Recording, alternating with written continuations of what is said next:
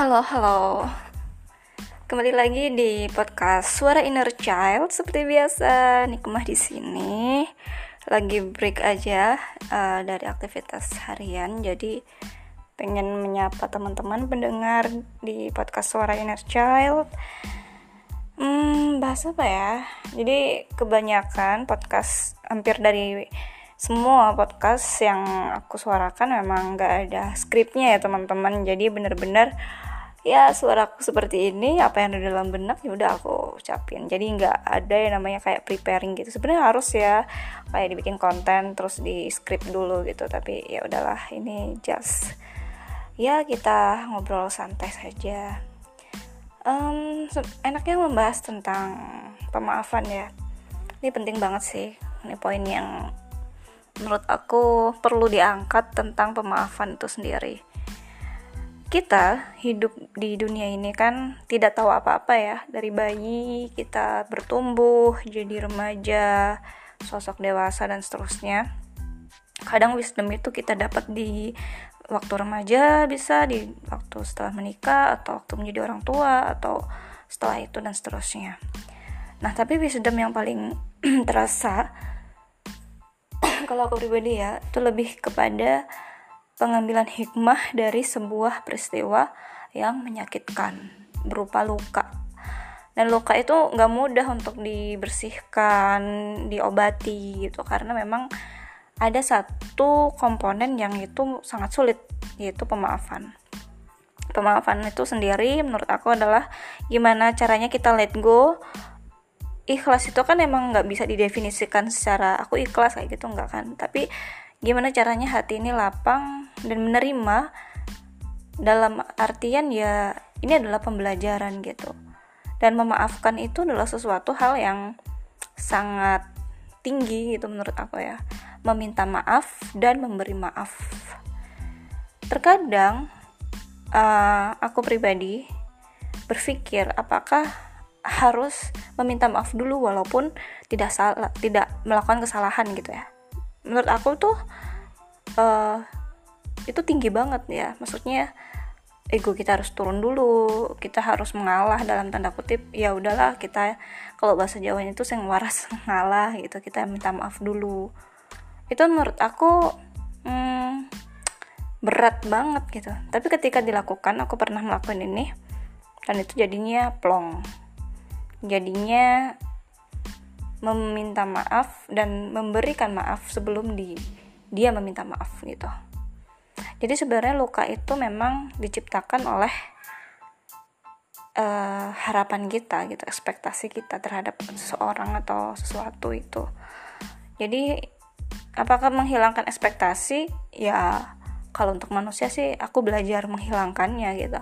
Aku berusaha belajar untuk belajar percaya pada diri sendiri dulu gitu maksimalin diri sendiri. Kalau emang nggak bisa sama sekali udah mentok minta bantuan gitu dan pemaafan itu ibaratnya luka kita bawa di dalam dada terus di dada itu itu masih ada bendanya gitu. Kayak misalkan pisau kita nancepin ke dada dan pisaunya itu masih nancep gitu. Jadi semakin kita bergerak semakin sakit rasanya gitu. Kayak semakin ditancepin terus kan Nah, untuk melepas pisau sendiri itu sangat susah gitu, apalagi jika tangan kita mengepal terlalu keras gitu supaya si pisau itu tetap aja di dalam tubuh gitu. Dan ini benar-benar suatu hal yang unlogic ya, nggak bisa dilogika. Aku pernah mendapati suatu peristiwa di mana aku melihat seseorang uh, dua rumah gitu ya di kampung halaman aku. Beliau-beliau itu awalnya bersahabat lengket, super lengket ke mana-mana kalau melihat uh, si A pasti ada si B. Ketika ada B ya pasti ada A gitu. Melengket super lengket namun suatu ketika ada suatu miskomunikasi dan ada sebuah ya intrik lah. Misal yang B itu plagiaris A gitu kan dan A nggak terima karena selama ini udah diajarin udah di istilahnya kayak dikasih resep-resepnya segala macam gitu. Ya ternyata di dibuat saingan gitu. Si B diam-diam membuat sesuatu yang mirip dengan A dan lebih lebih menjual lah istilahnya kayak gitu. Dan itu nggak terima dan akhirnya berkepanjangan sampai detik ini. Bayangin coba aku tuh waktu itu masih SD luar biasa kan? Sangat susah.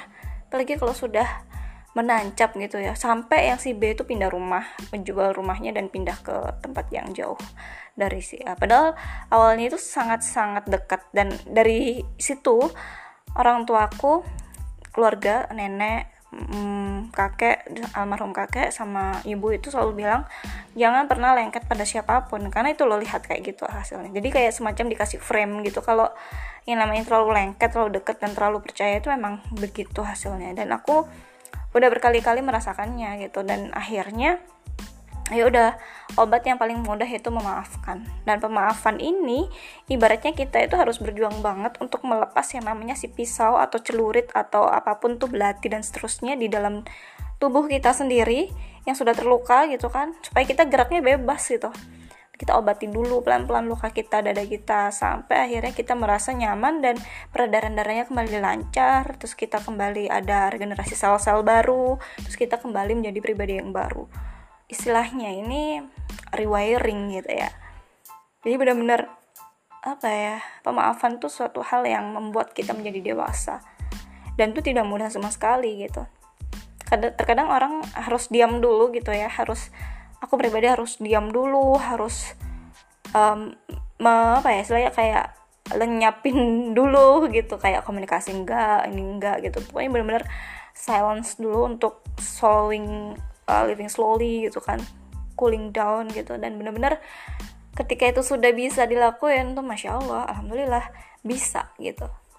Dan tentang pemaafan ini tidak kita tidak bicara tentang teori ya tentang sebuah gimana how to-nya karena tiap orang pasti beda-beda. Tapi yang aku garis bawahi di sini kita akan menjadi lebih lega, lebih nyaman berjalan, lebih bebas menghirup udara ketika kita sudah memaafkan sesuatu dan kita let go.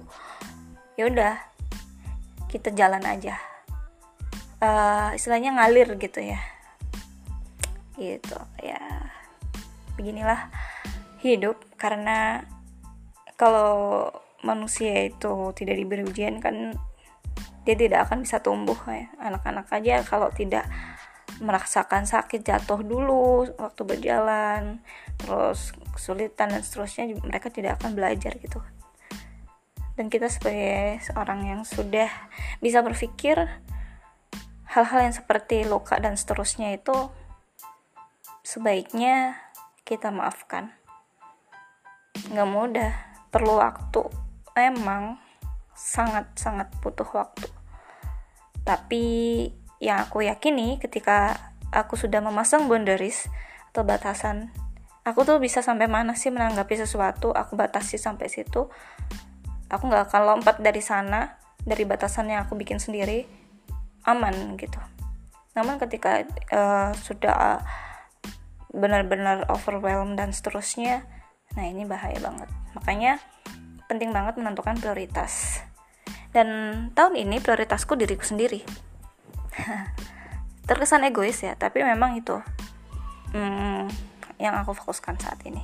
Diriku keluargaku dan istilahnya jiwa gitu. Karena bagaimanapun juga uh, aku tidak mau menjadi seseorang yang tertatih-tatih sakit sampai fisiknya juga sakit pernah masuk rumah sakit tahun 2018 kalau nggak salah. Terus pernah ah macam-macam lah istilahnya sakit uh, dari dari jiwa juga dari hati dari fisiknya bahkan eh, nggak uh, fokus dan seterusnya itu karena memang keter, terlalu banyak hal yang uh, diampu gitu. Dan ini menjadi poin penting banget bahwa uh, semakin kita tidak bisa membatasi diri dalam artian waktu-waktu kita, hmm, kemampuan yang harus kita asah, ya boleh semuanya bisa dilakuin, tapi jika tidak dibatasi kita akan crack juga gitu, apa fatik ya selalu lah gitu. Dan aku nggak mau itu terulang.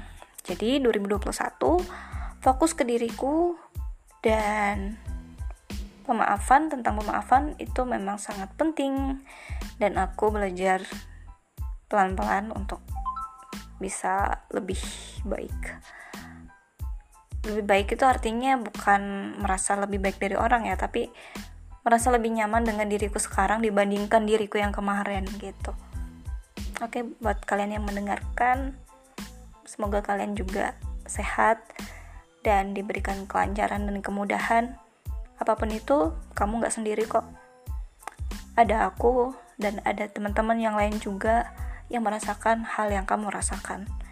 Dan apa pun itu tetap fokus banyak berdoa dekat-dekatin diri jiwa kita kepada pemilik yang ya memiliki jiwa kita siapa gitu kalau bukan Allah atau Tuhan kita. Jadi so uh, semangat dan sampai jumpa di episode selanjutnya. Bye